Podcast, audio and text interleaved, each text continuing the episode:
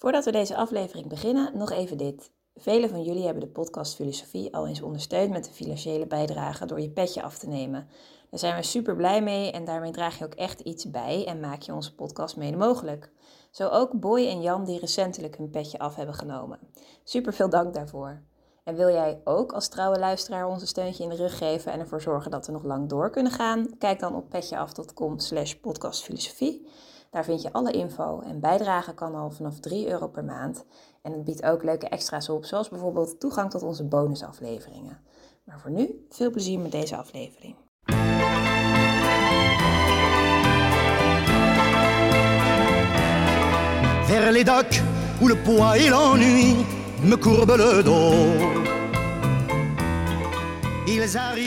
Dag, goed dat je luistert naar deze speciale aflevering van de podcast Filosofie van het Centre Erasme, School voor Filosofie in Zuid-Frankrijk, Vlaanderen en Nederland. Speciaal omdat we hem eh, voor de eerste keer niet eh, eh, met elkaar in één ruimte opnemen, maar op afstand. En speciaal omdat we ook niet een denker centraal stellen vandaag, maar een boek. En een boek dat de laatste tijd weer zeer veel in de aandacht gekomen is, namelijk De Pest van Albert Camus. Ehm, straks hoor je Kees Vijstra. Dag Kees. Dag Allard. Waar zit jij, Kees? Eh, ik zit in de keuken van onze woning in eh Akkooi. En ehm, eh, het, het uitzicht vanuit mijn keuken is goed. We hebben het vaak over het uitzicht. En dit is eh, eh, een, een, eh, een goede plek om deze bijzondere podcast op te nemen. Mooi. En eh, aan de andere kant van de lijn ook Ruud Welten. Ja, hallo. Dag Ruud. Mooi dat je eh, op afstand ook zo bij ons bent. Jij bent Ja. eh, filosoof en eh, werkzaam bij de Erasmus Universiteit en bij de Tilburg University.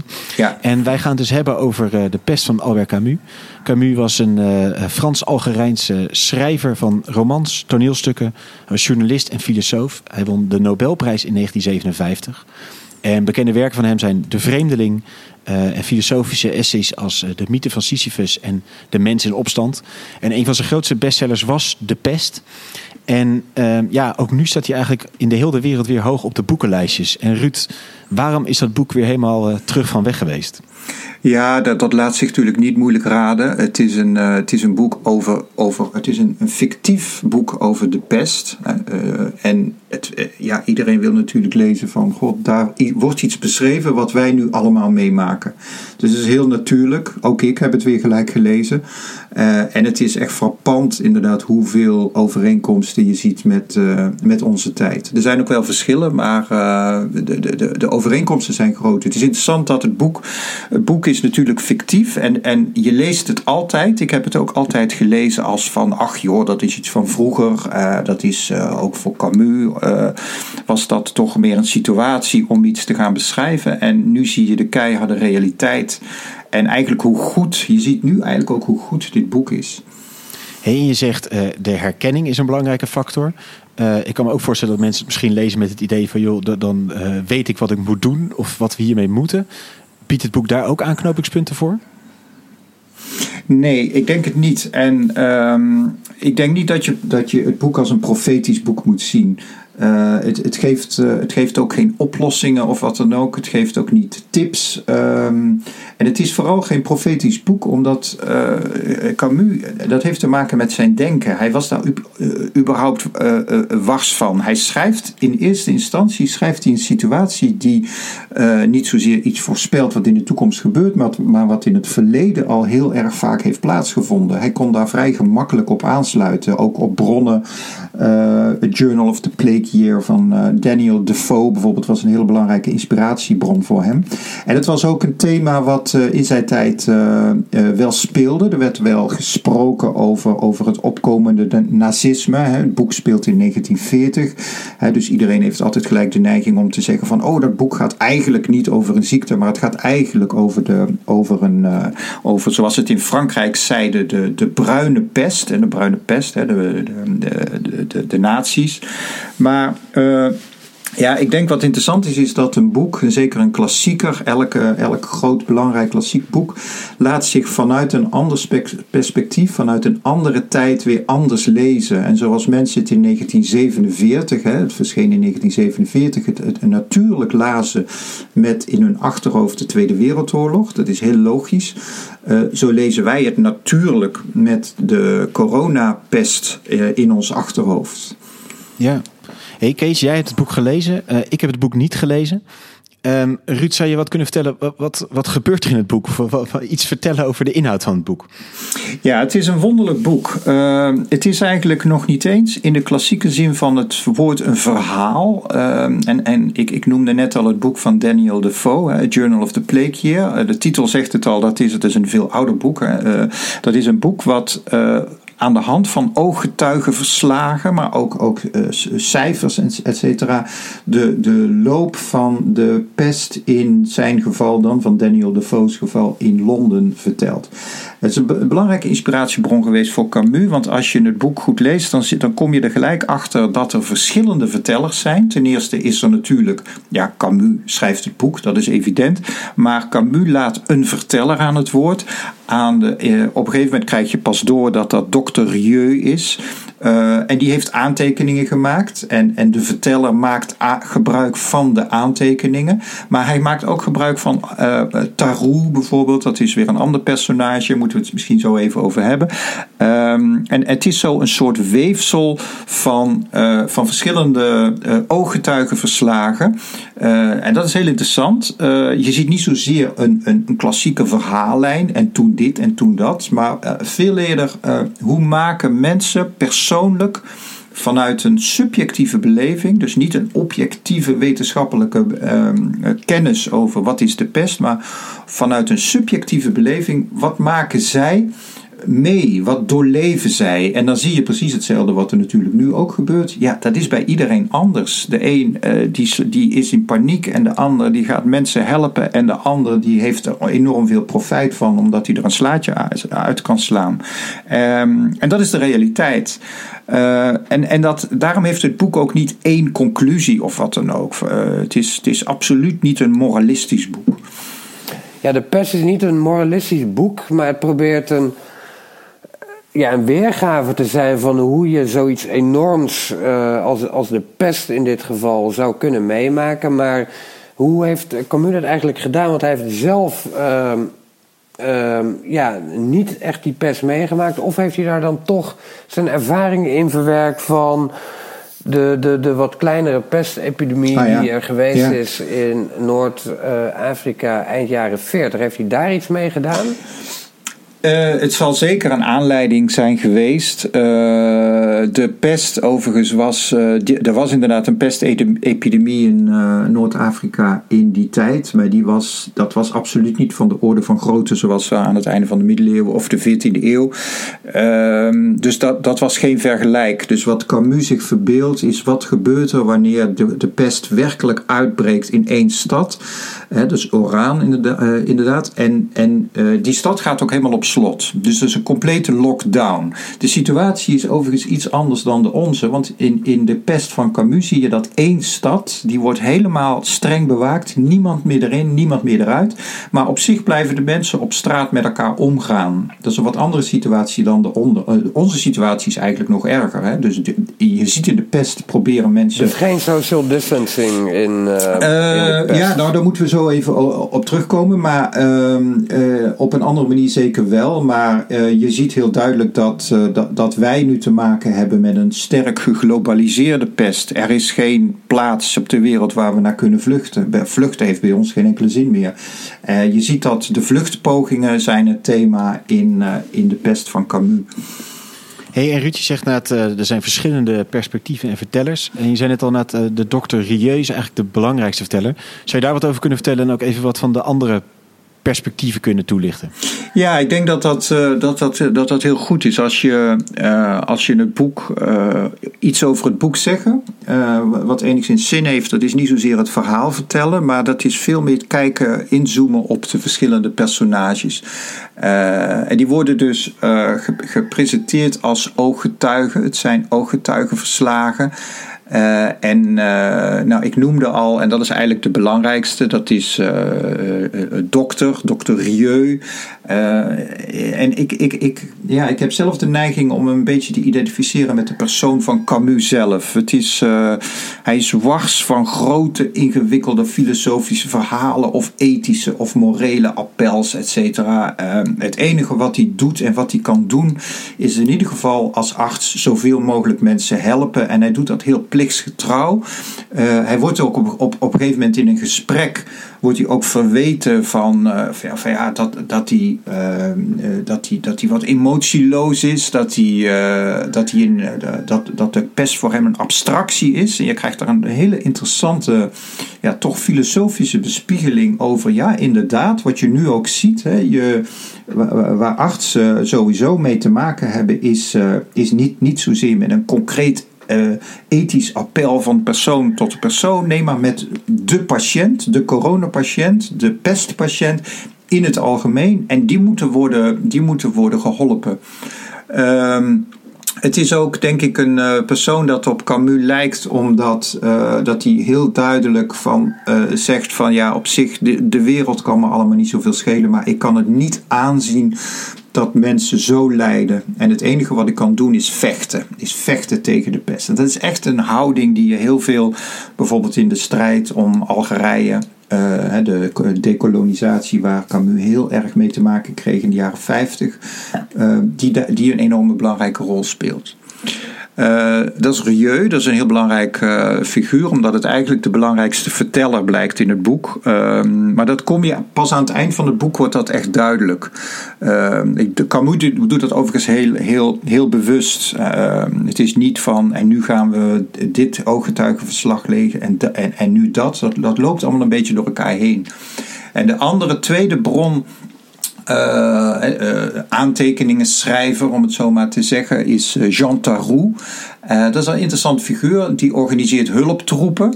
Hij wil wat betekenen voor anderen. Maar dat heeft natuurlijk allerlei risico's, zoals besmetting. En men is het er eigenlijk ook niet mee eens dat hij dat doet. En, en Camus gebruikt Tarou eigenlijk ook om, om te laten zien dat uh, de pest bepaald geen situatie is om de held te gaan lopen uithangen. Het is, de pest is geen heldenepos. Het is iets wat over ons heen komt en, en wat ons allemaal raakt. En, en wat zeer dramatisch is.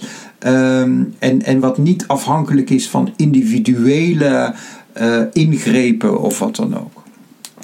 Zelf vind ik eigenlijk.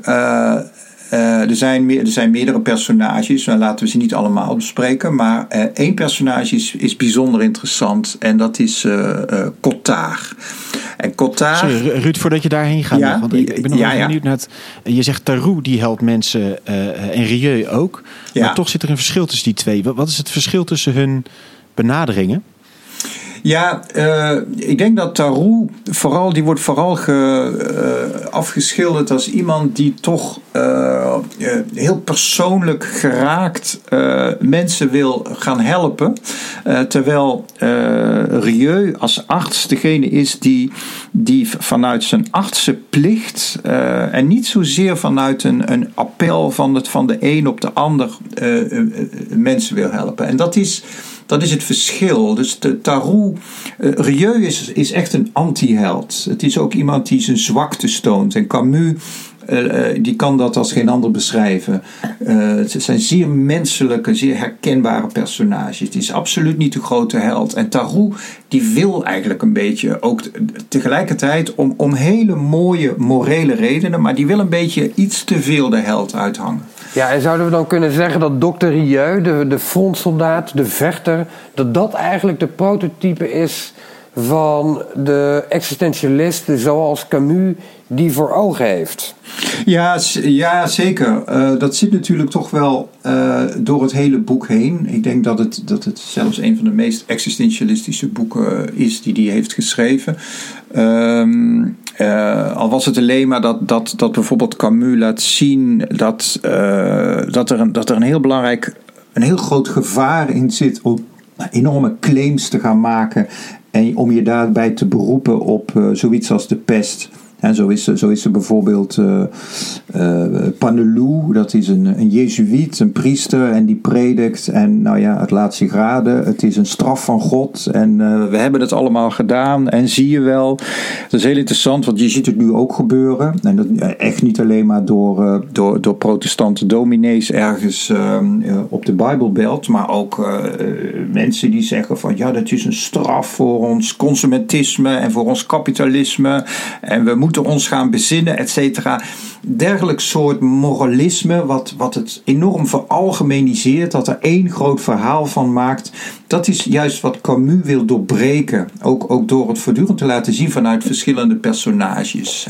Zeker... wat, wat merken we daar dan van? Hoe ziet dat er dan uit? Hoe ziet het er als het ware uit om je in het geval van uh, Dr. Rieu je te gedragen zoals een existentialist? Nou, het is een uh, gedrevenheid die uh, Rieu laat zien. Een heel plichtmatige, maar daardoor juist ontzettend menselijke, niet een zakelijke, maar daardoor juist een hele menselijke gedrevenheid. Het enige, denk maar aan al die artsen en, en al die mensen uh, en verpleger, verpleger, verpleegsters, et cetera, die nu zo enorm overuren draaien. Dat is geen kwestie van, ja, zal ik de ene wel helpen en de andere niet? En ik voel een appel uitgaan van, nee, die zijn zeer plichtmatig. Ze kunnen niks anders doen dan vechten. Ze vechten zoals soldaten dat in, in een oorlog doen.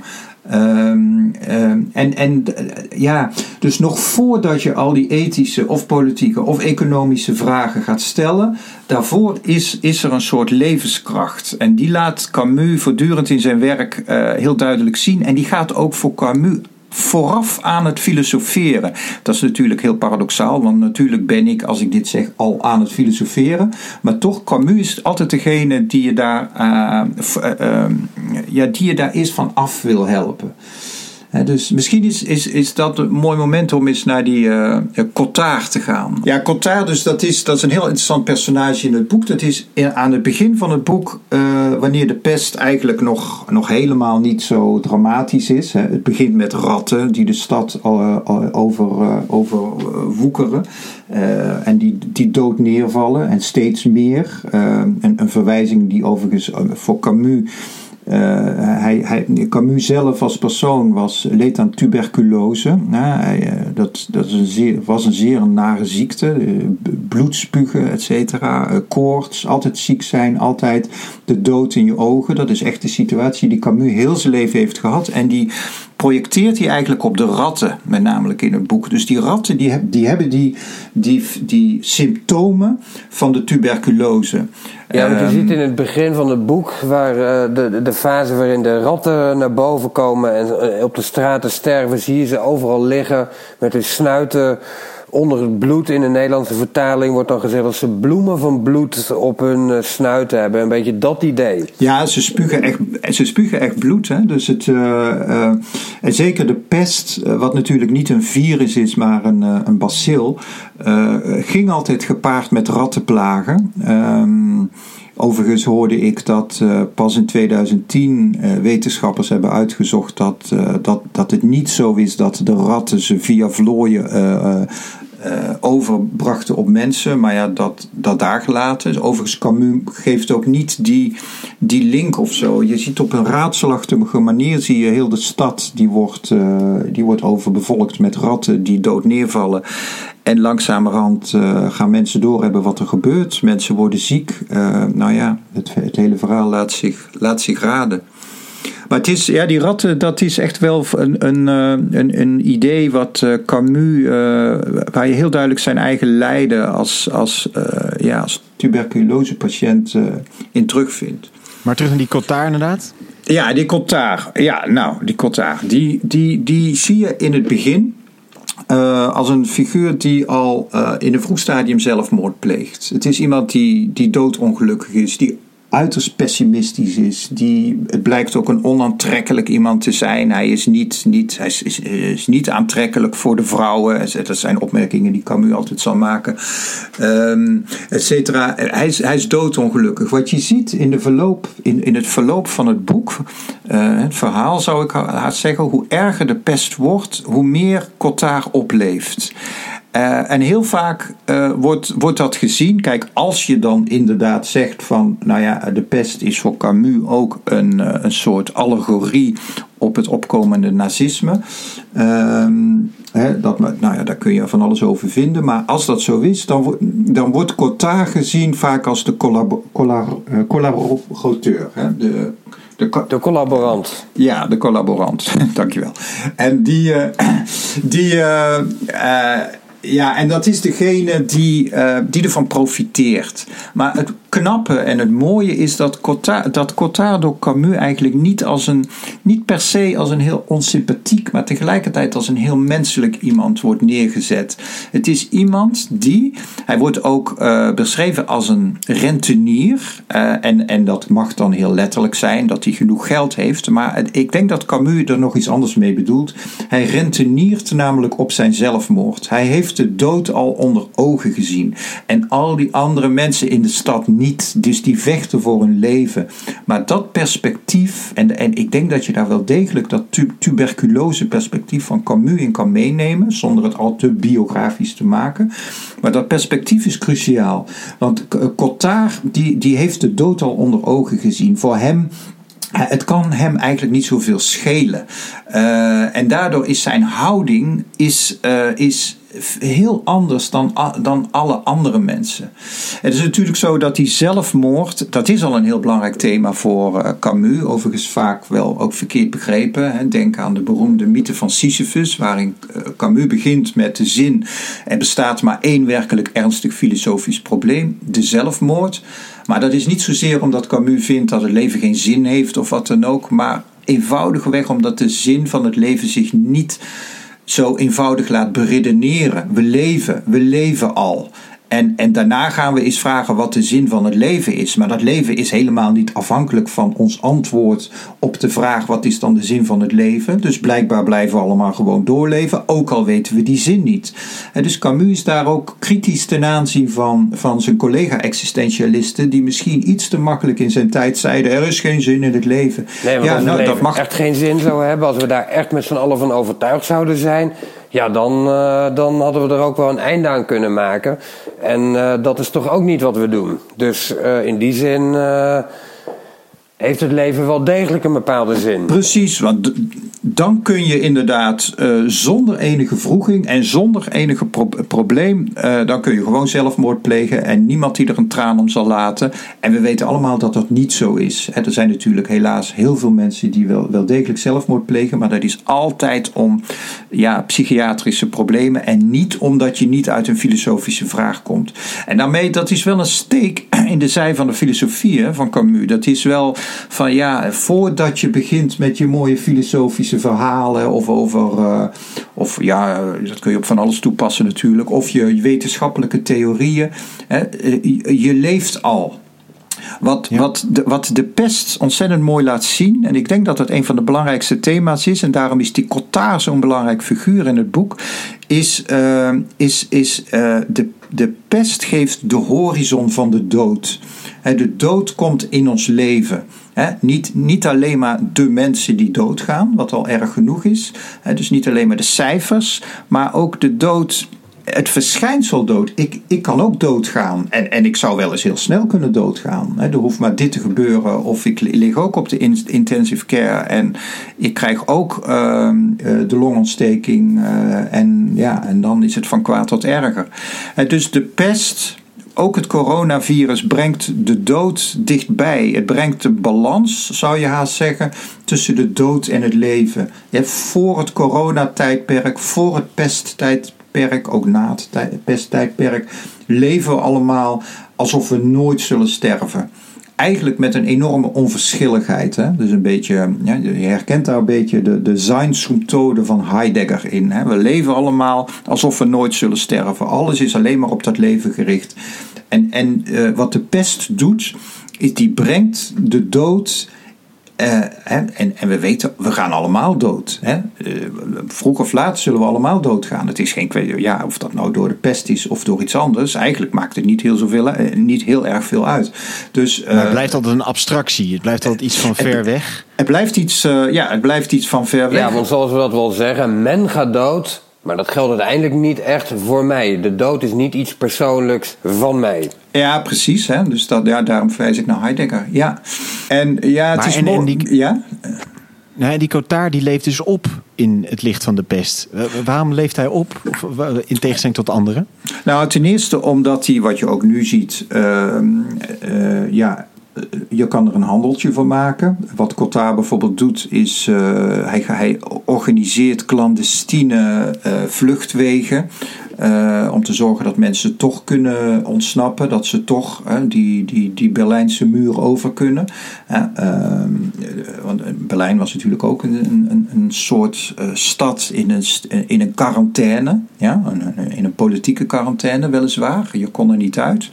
Ehm, dus hij organiseert dat. Maar ik denk ook dat perspectief eh, bij, bij Cotard. ehm, eh, vooral als een enorm contrast tegen andere personages. Ehm, ik zal er één noemen, nog een andere, hè, Rambert. Ehm, en Rambert is een interessant persoon omdat eh, Rambert is journalist. En van een journalist zou je verwachten, nou de journalisten dat zijn nou echt mensen die in ieder geval, zonder daar nou enig, moreel oor- oordeel over te vellen, maar in ieder geval die die in ieder geval moeten verslaan wat er gebeurt. Dus Rambert die is in de stad. Maar Rambert is in tegenstelling tot Cotard, die gewoon uit Oran komt, die eh, is degene die er zo snel mogelijk van weg wil. En niet om, die, om de pest te ontvluchten, maar omdat hij een vrouw heeft waar hij verliefd op is, die nog in Frankrijk is. En daar heb je zo'n belangrijk thema, de liefde, eh, bij eh, Camus, eh, die, de, die in het boek ook een hele belangrijke rol speelt, waar hele ontzettend mooie bespiegelingen over bestaan, is dat de, de pest tast uiteindelijk ook de liefde aan. En eerste instantie, Camus heeft ergens in een interview gezegd, mijn, het belangrijkste thema van het boek is, is, is la séparation, is de scheiding die de mensen moeten doormaken in een kwestie van, eh, van zo'n sterke eh, quarantaine. Dus mensen kunnen elkaar niet meer ontmoeten. En voor, voor Camus was dat natuurlijk vooral het geval. Mensen kunnen niet meer kunnen hun kinderen, hun geliefden, degene op wie ze verliefd zijn, die buiten de stad zijn, eh, niet meer bezoeken, niet meer spreken. Hè. Er was geen Skype, er was geen Zoom. Eh, dus eh, de stad was volledig in ballingschap naar zichzelf, beschrijft Camus. Dus je was, zoals wij nu ook verbannen worden, ballingen zijn in ons eigen huis.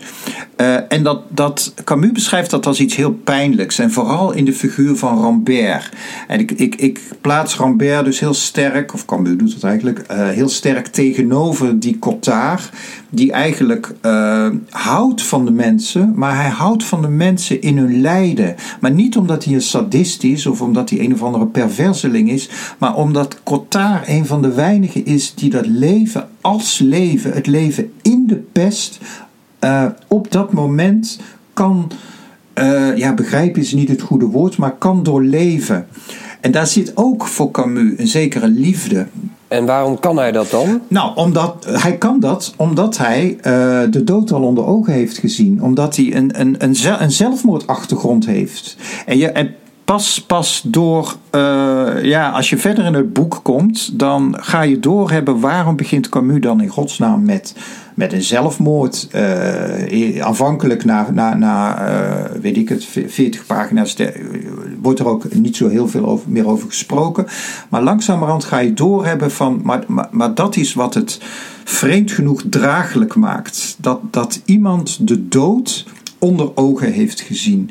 En alle anderen eigenlijk, heel begrijpelijk, eh, eh, vluchten daarvan. Hè. Dus Cotard is ook heel kritisch op die mensen. En dat- moet natuurlijk gelijk denken aan ons coronatijdperk ook.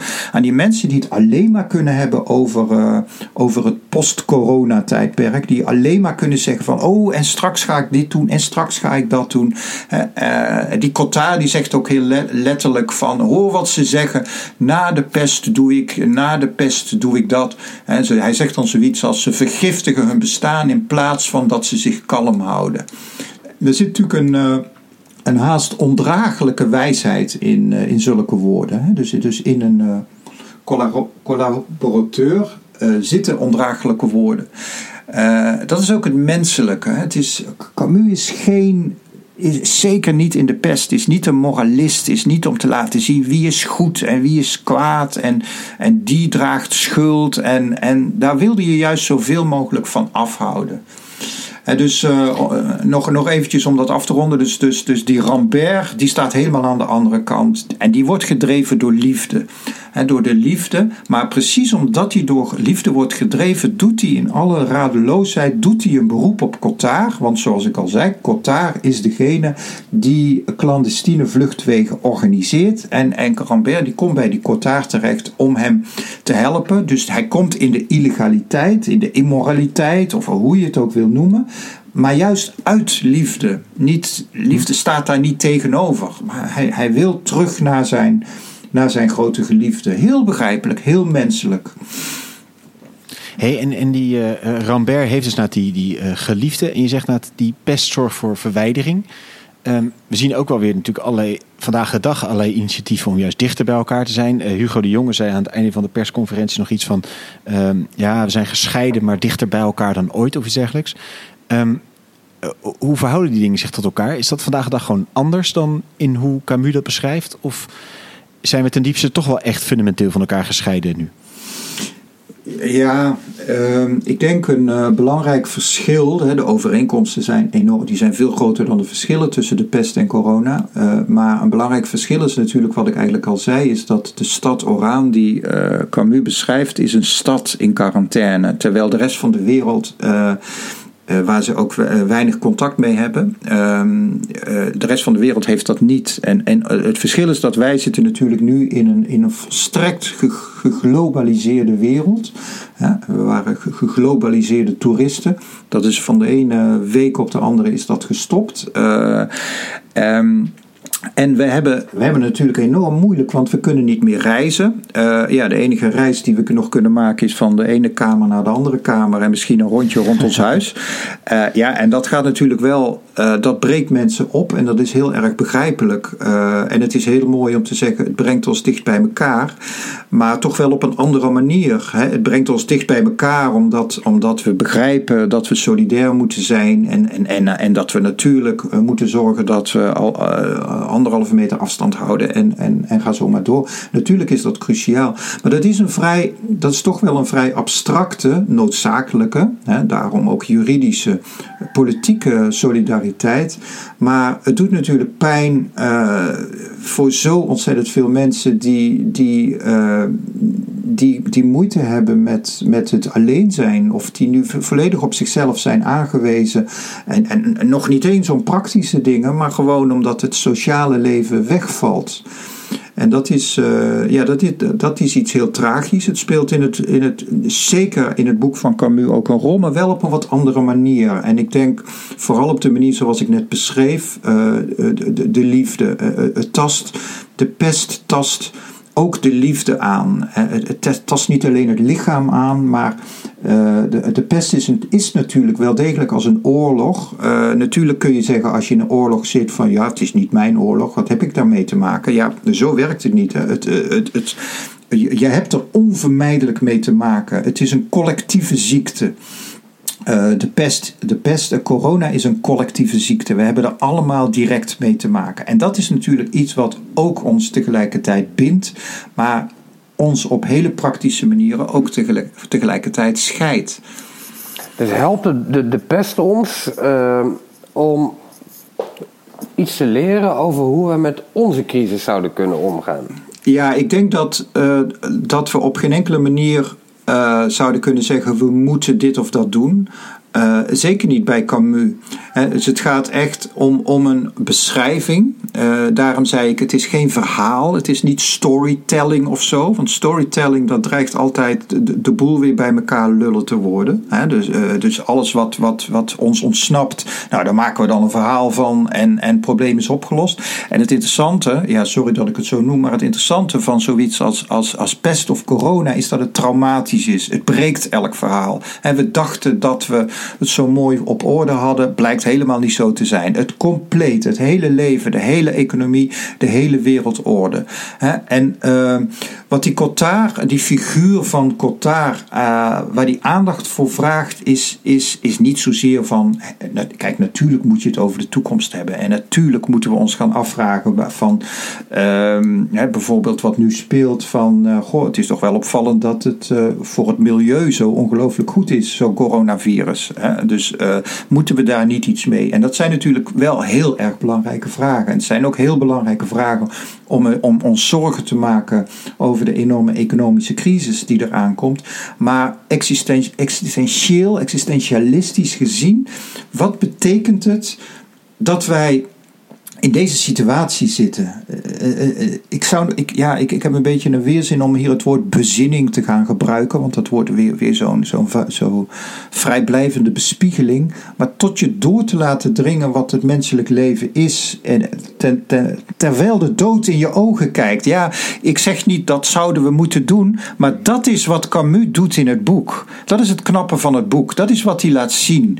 Dus het zijn inderdaad verslagen, hè, bijna niet helemaal hoor, maar bijna zoals Daniel En overigens, dat was volledige fictie, even voor de duidelijkheid. Uh, maar des, des, ja, van Defoe. Hè, dus, uh, maar misschien zelfs des te beter. Uh, en wat Camus laat zien, is die existentiële druk. en ook om daar, en dat is toch heel existentialistisch, om daar niet gelijk tegen te liegen het denken en het hopen, ook het hopen. Camus is echt een denker tegen de hoop. Dus eh, eh, eh, het hopen op van ja, maar het zou allemaal ook zo en zo kunnen zijn. En we zien wel hoe het gebeurt en laten we het hebben over hoe het over een jaar is. Maar dat heel snel wordt dat ook een vlucht. Het wordt ook een vlucht uit wie jij nu op dit ogenblik ben, bent. En en dus, dus uh, ik nee, denk... we moeten niet uh, gaan hopen. Uh, maar wat dan wel? Wat staat er eigenlijk tegenover de hoop? Ja, ja, dat is een goede vraag. Ik zou dat zeker niet noemen acceptatie. Want acceptatie betekent van, nou ja, dit is het dan en ik moet het accepteren. Natuurlijk moeten we het niet accepteren, dat zou wat zijn. Maar we moeten vechten. En daar zie je de duidelijk weer de Camus. Camus is een vechter. Camus is een, uh, is een is, hè, zoals in L'homme révolté, de mens in opstand. Het is de mens in opstand.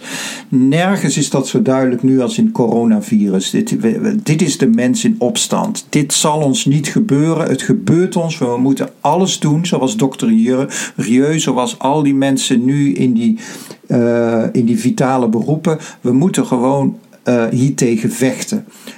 niet met iets in het, in, als een belofte van, nou, als we dit doen, dan, uh, dan kom je in de hemel. Of als je dit doet, dan word je gelukkig. Nee, het enige wat je kan doen is vechten. Want wat, zoals het nu is, is het niet goed. Je conditie op je nemen. De conditie op je nemen, ja, misschien is dat heel mooi gezegd. Ja.